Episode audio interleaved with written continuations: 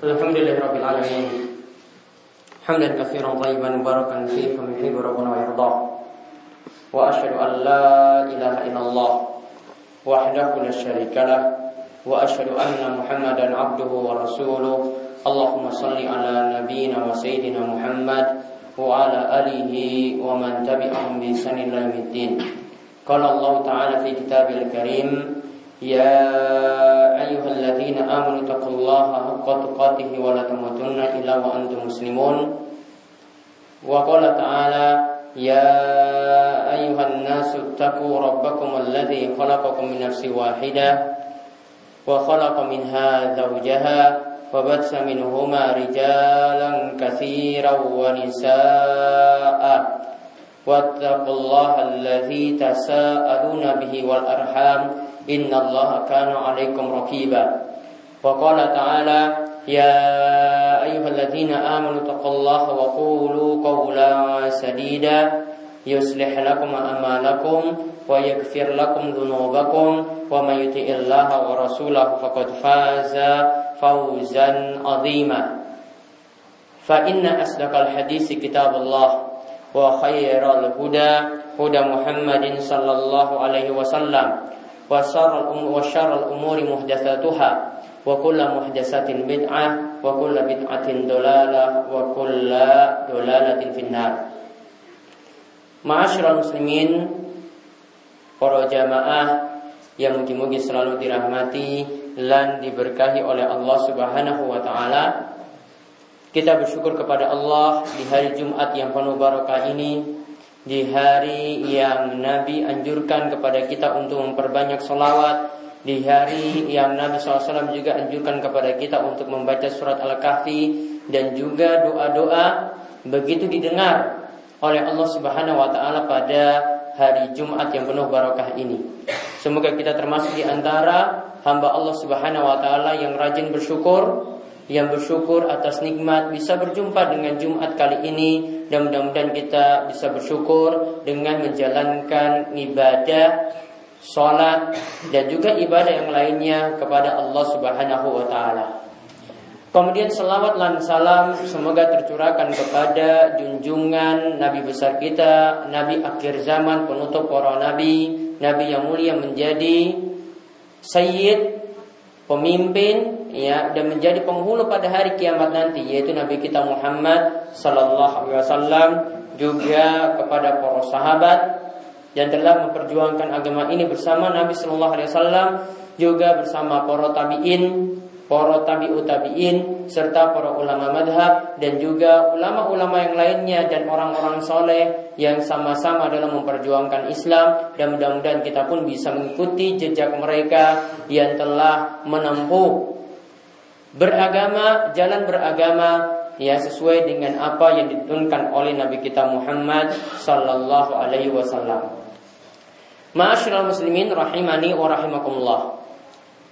Pada Jumat ini kita berada di awal-awal dari bulan Rajab, dari bulan Sya'ban atau bulan Ruah. Setelah bulan Rajab memasuki bulan Ramadan, itu ada bulan Sya'ban atau bulan Ruah yang kita kenal.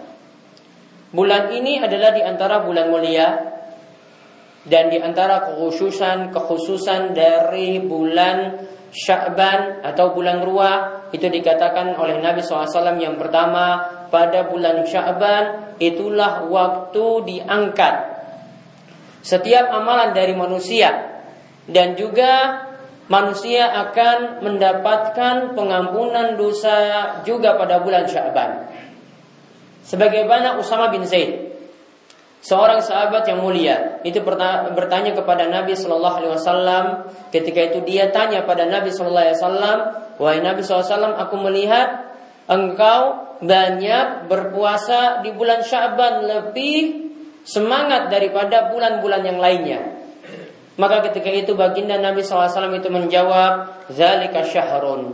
Bulan ini yaitu bulan Sya'ban yakfulun nasu anhu baina Rajab wa Ramadan. Bulan Syaban yang terletak di antara bulan Rajab dan bulan Ramadan banyak manusia yang lalai. Banyak manusia yang lalai dari ibadah. wa huwa syahrun turfa'u fihi al-a'mal ila rabbil alamin dan bulan ini yaitu bulan Sya'ban saat-saat amalan kita itu diangkat kepada Allah Subhanahu wa taala. Fa uhibbu ayyurfa'a amali wa ana shaimun dan aku sangat suka. Aku sangat senang kata baginda Nabi untuk berpuasa pada bulan Syaban. Karena ketika itu amalanku sedang diangkat kepada Allah Subhanahu wa taala. Maka ini jadi dalil pada setahun itu ada waktu secara umum amalan kita itu dihadapkan, disebutkan, ya diajukan kepada Allah Subhanahu wa taala yaitu diajukan pada bulan Sya'ban sebelum memasuki nantinya bulan Ramadan. Dan sama halnya juga dalam setiap pekan ada dua hari yang amalan kita juga diangkat ke hadapan Allah Subhanahu wa taala, yaitu setiap hari Senin dan Kemis. Setiap hari Senin dan Kemis itu juga amalan manusia itu dihadapkan ke hadapan Allah Subhanahu wa taala. Sebagaimana yang Nabi sallallahu alaihi wasallam itu sebutkan dalam hadis yang sahih riwayat Muslim. Tu'radu a'malun nasi fi kulli jum'atin maratain setiap pekannya amalan manusia dihadapkan ke hadapan Allah Subhanahu wa taala sebanyak dua kali. Yaitu sebanyak dua kali tadi pada yaumal isnain wa yaumal khamis.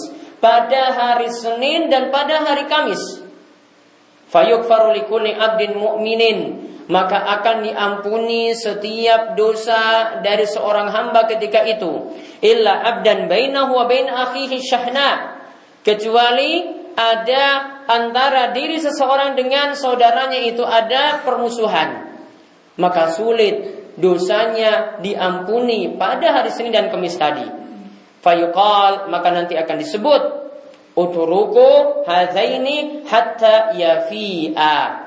Tinggalkan dua orang yang tukaran tadi, tinggalkan dua orang yang bertengkar tadi, yang bermusuhan tadi, sampai mereka berdua itu damai. Sampai mereka berdua itu damai. Maka disebutkan oleh Ibnu Hajar bahwa dalam setahun amalan seorang itu akan diangkat pada bulan Syakban. Itu amalan yang sifatnya mujmal, amalan yang sifatnya umum. Kemudian pada hari Senin dan Kemis itu juga akan dihadapkan amalan di hadapan Allah dan ini amalan yang terpisah-pisah yang ada setiap pekannya. Maka Nabi SAW oleh karena itu banyak berpuasa pada bulan Syakban. Banyak berpuasa pada bulan Ruah Kemudian Nabi SAW juga seringnya berpuasa juga pada hari Senin dan Kemis ketika itu. Lalu di bulan Syaban ini Sebagian orang mengkhususkan malam pada pertengahan bulan Syaban atau malam nisfu Syaban. Dianggap pada malam nisfu Syaban itu adalah malam yang sangat-sangat istimewa. Bahkan mereka berdalil dengan hadis seperti yang diriwayatkan dalam Sunan At-Tirmizi atau dalam kitab Jami At-Tirmizi di mana disebutkan yattali Allahu ila jami'i khalqihi lailatan nisfi min Sya'ban.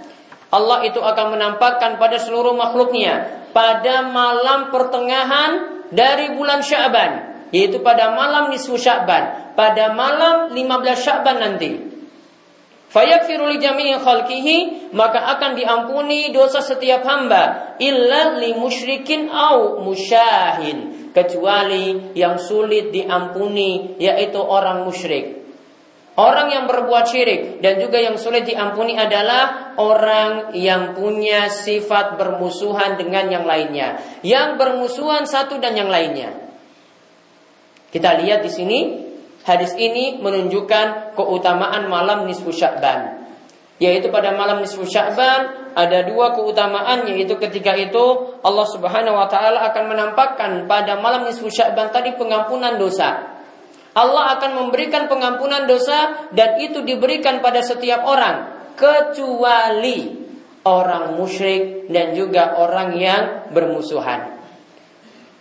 Mayoritas ulama, kebanyakan ulama itu menganggap bahwa hadis yang membicarakan tentang keutamaan malam nisfu Sya'ban tadi seperti yang tadi kami sebutkan dikatakan oleh penulis Tuhfatul Ahwadi, dikatakan juga oleh Ibnu Rajab Al-Hambali, dikatakan juga oleh Ibnu Taimiyah, semuanya itu mengatakan bahwasanya kebanyakan ulama menilai hadis-hadis yang ada adalah hadis-hadis yang lemah.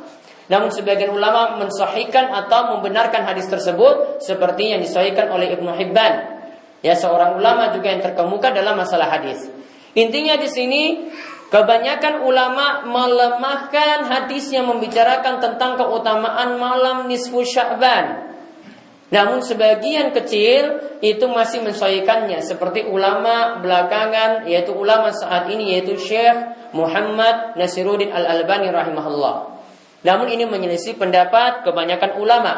Taruhlah kita menyatakan ada keutamaan pada malam nisfu Sya'ban, ada ampunan ketika itu. Maka para ulama katakan seperti dikatakan oleh Ibnu Rajab, seperti dikatakan juga oleh Ibnu Taimiyah bahwa amalan yang ada pada malam nisfu Sya'ban tidak ada amalan yang khusus. Bahkan mereka nyatakan tidak boleh amalan-amalan itu dilakukan secara berjamaah. Jadi tidak ada sholat berjamaah pada malam nisfu Sya'ban. Tidak ada doa bersama pada malam nisfu Sya'ban. Tidak ada juga yasinan bersama pada malam nisfu Sya'ban. Tidak ada juga amalan-amalan khusus yang lainnya pada malam nisfu Sya'ban. Yang ada bagaimana? Yang ada dari masa tabi'in Para ulama ada yang mengkhususkan sholat tertentu Pada malam nisfu Sya'ban. Namun mereka melakukan seorang diri Ya, mereka melakukan seorang diri tidak mengkhususkannya secara berjamaah karena ada yang mungkin melakukan sholat tahajud berjamaah atau melakukan sholat taubat berjamaah atau melakukan sholat tasbih atau sholat hajat berjamaah. Ini tidak ada keistimewaannya pada malam nisfu Sya'ban. Intinya sebagaimana kata Abdullah bin Al-Mubarak, beliau ketika ditanya mengenai malam nisfu Sya'ban, Ya, beliau ketika ditanya mengenai malam nisfu Sya'ban, beliau katakan bahwasanya apakah yang engkau maksud adalah malam pertengahan Sya'ban? Maka perlu engkau tahu kata Abdullah bin Al-Mubarak ia katakan Allah itu turun di langit dunia itu setiap malam. Allah itu turun ke langit dunia setiap malam. Bukan hanya pada malam nisfu Sya'ban saja. Bukan hanya pada malam pertengahan Sya'ban. Sehingga para ulama dari perkataan semacam ini mereka nyatakan tidak perlu kita khususkan amalan-amalan tertentu. Intinya yang ada dalam bulan Sya'ban di siang hari sebagaimana yang tadi di awal kita sebutkan dari hadis Usama bin Zaid kita diperintahkan untuk memperbanyak puasa Sya'ban. Ini salah satu yang dianjurkan. Kemudian di bulan Sya'ban lagi bagi para wanita ibu-ibu yang belum melunasi utang puasa, belum nyaur puasanya secara sempurna, maka hendaklah dia membayar utang puasanya tersebut di bulan ruah ini. Ini waktu terakhir untuk nyaur puasa. Kemudian yang diperintahkan lagi sebagaimana dikatakan oleh para ulama bahwa bulan Sya'ban adalah bulan Al-Qur'an. Sebagaimana yang dikatakan oleh Salama bin Kahil, ia mengatakan karena yuqalu syahrul Sya'ban syahrul Qura. Para ulama itu menyebut bulan Sya'ban ini adalah bulan dibacakannya Al-Quran. Yaitu bulan yang orang-orang itu giat untuk membaca Al-Quran. Jadi saking bulan ruah masuk di bulan Ramadan ini adalah persiapan bagi kita untuk memperbanyak bacaan Al-Quran kita baca seorang diri atau tadarusan di bulan Sya'ban ini adalah suatu yang dituntunkan. Demikian khutbah pertama ini. Mudah-mudahan Allah menjadikan bulan Sya'ban kita yang kita jumpai saat ini adalah bulan yang penuh berkah dan Allah juga memberikan kita kemudahan-kemudahan untuk terus memperbanyak amalan saleh dan kita dijauhkan dari segala macam dosa dan mudah-mudahan kita terus istiqomah. Aku lu qauli hadza wastaghfirullah li wa lakum wa muslimin innahu huwas samiul alim.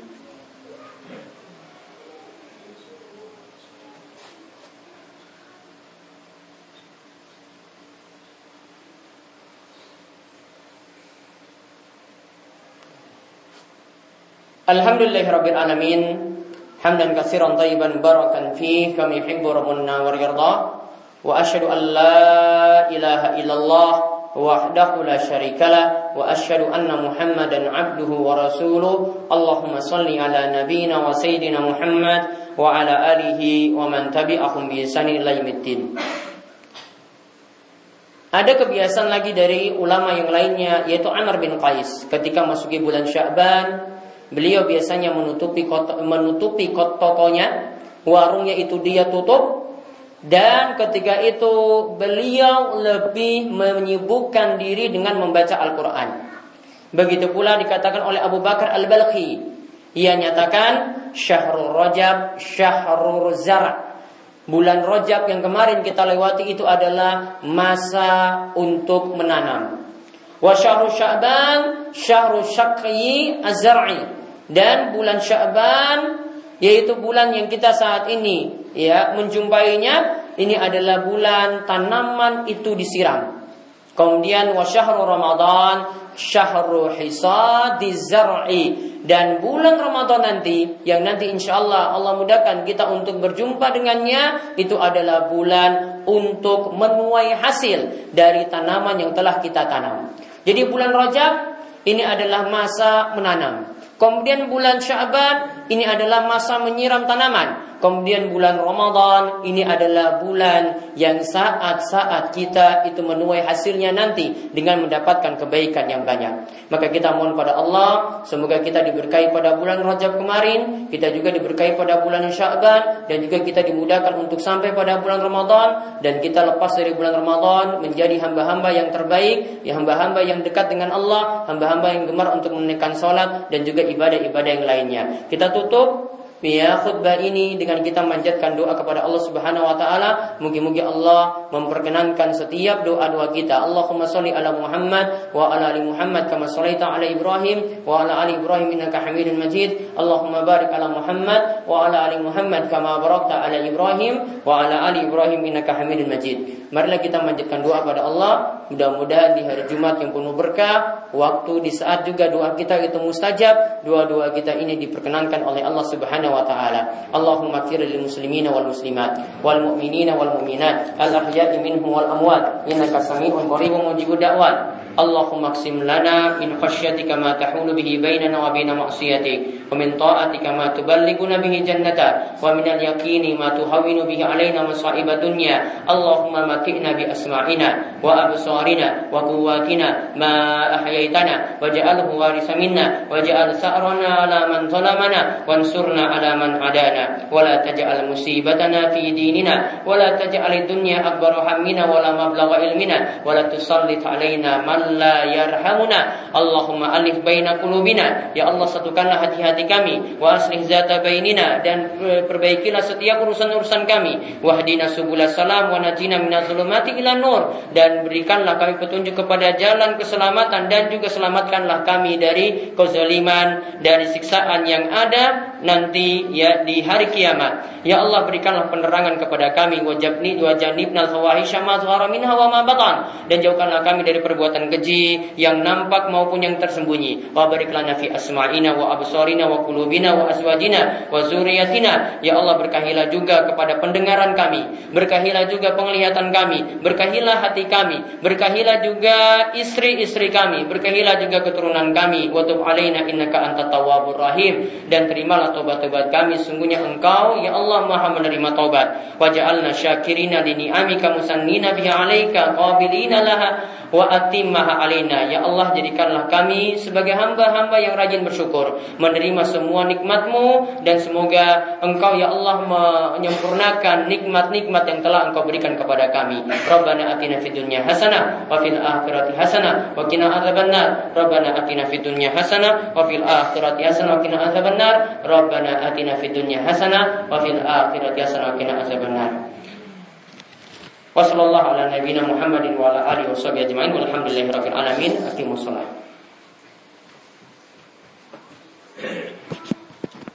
Allahu akbar Allahu akbar. Sabana ilaha